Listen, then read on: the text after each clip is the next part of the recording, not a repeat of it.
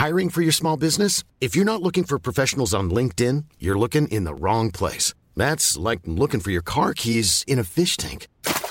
LinkedIn helps you hire professionals you can't find anywhere else, even those who aren't actively searching for a new job but might be open to the perfect role. In a given month, over 70% of LinkedIn users don't even visit other leading job sites. So start looking in the right place. With LinkedIn, you can hire professionals like a professional. Post your free job on linkedin.com slash people today. Many of us have those stubborn pounds that seem impossible to lose, no matter how good we eat or how hard we work out. My solution is PlushCare. PlushCare is a leading telehealth provider with doctors who are there for you day and night to partner with you in your weight loss journey. They can prescribe FDA-approved weight loss medications like Wagovi and Zepbound for those who qualify. Plus, they accept most insurance plans. To get started, visit plushcare.com slash weight loss. That's plushcare.com slash weight loss. Hey, Dave. Yeah, Randy. Since we founded Bombus, we've always said our socks, underwear, and T-shirts are super soft. Any new ideas? Maybe sublimely soft. Or disgustingly cozy. Wait, what? I got it. Bombus. Absurdly comfortable essentials for yourself And for those facing homelessness. because one purchased equals one donated. Wow, did we just write an ad? Yes. Bombas. Big comfort for everyone. Go to bombas.com slash ACAST and use code ACAST for 20% off your first purchase. Välkommen! Kom ihåg att alla avsnitt finns att lyssna på direkt via podplay.se eller i appen. Nu kör vi! Vad är NATO? Det ska vi ta reda på idag. NATO, eller Nordatlantiska fördragsorganisationen, är en militär allians bestående just nu av 31 stycken länder från Nordamerika och Europa. NATO bygger på ett kollektivt försvar där länderna som är medlemmar har lovat varandra att hjälpa till om något medlemsland blir angripet. Kortfattat så kan man säga att angriper man något av NATO-länderna så ska det betraktas som ett angrepp mot dem alla. NATO bildades 1949 i skuggan av andra världskriget som ett svar på oron över Sovjetunionens växande makt och inflytande. Kalla kriget var i full gång, en period präglad av politisk och militär spänning mellan väst och öst. Så på ett sätt kan man säga att NATO bildades för att förhindra en ytterligare spridning av Sovjetunionens inflytande i Europa. Dess syfte var att skapa ett gemensamt försvar mot eventuella angrepp från Sovjetunionen och dess allierade. Sovjetunionen svarade på det här några år senare och bildade Warszawapakten år 1955 som fungerade precis likadant som ett medlemskap i NATO gjorde men bildades för östblocket. Men år 1991 med Sovjetunionens kollaps och kalla krigets slut förändrades världen och NATOs roll med den.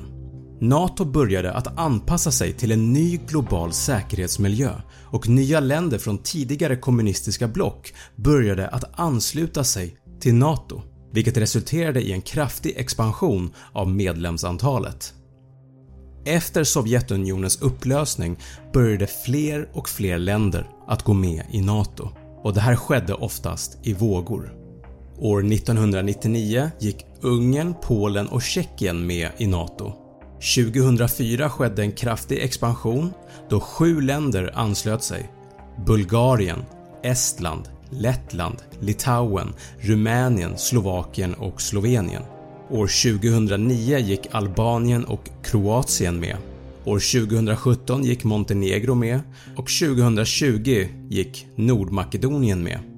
Och i skrivande stund i juli 2023 har NATO 31 stycken medlemsländer varav Finland var alliansens senaste medlem som gick med 4 april 2023.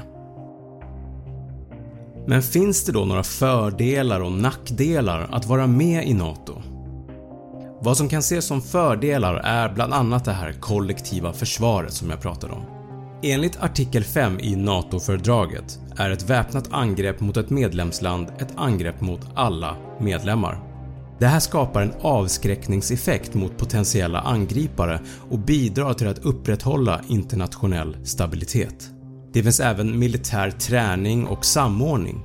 NATO-medlemmar deltar i gemensamma militärövningar vilket förbättrar deras förmåga att arbeta tillsammans i verkliga operationer.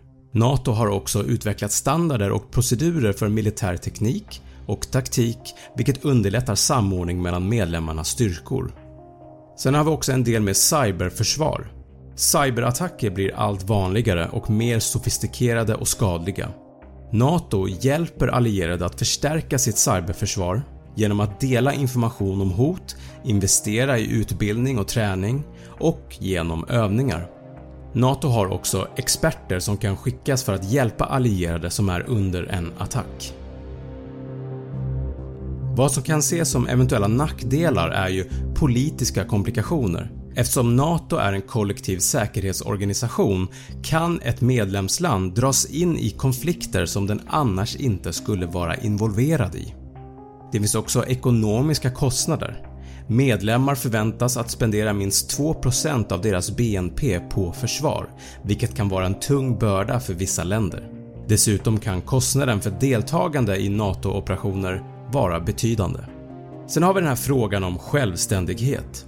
Vissa tycker att när ett land går med i NATO tappar det en del av sin frihet att fatta egna beslut och det här beror på att alla NATO-länder måste samarbeta och komma överens om hur man hanterar saker som rör försvar och säkerhet. Det betyder att ett land kanske inte alltid kan göra exakt vad de vill utan måste tänka på vad de andra NATO-länderna tycker. Sammanfattningsvis har ett medlemskap i NATO både fördelar och nackdelar. Det finns inget enkelt svar på om ett land bör ansluta sig till NATO. Varje land måste noggrant väga fördelarna och nackdelarna utifrån dess egna politiska, ekonomiska och säkerhetsmässiga omständigheter. Jag hoppas att den här videon har gett dig en lite bättre förståelse av vad det innebär att vara medlem i NATO. Prenumerera gärna på den här kanalen. Och som alltid, tack för att du har tittat. Glöm inte att prenumerera på min YouTube-kanal Snabbfakta och följ mig gärna på Instagram där jag heter snabb.fakta. Är det någonting ni undrar så kan ni alltid slänga iväg ett mail till snabbfakta1 gmail.com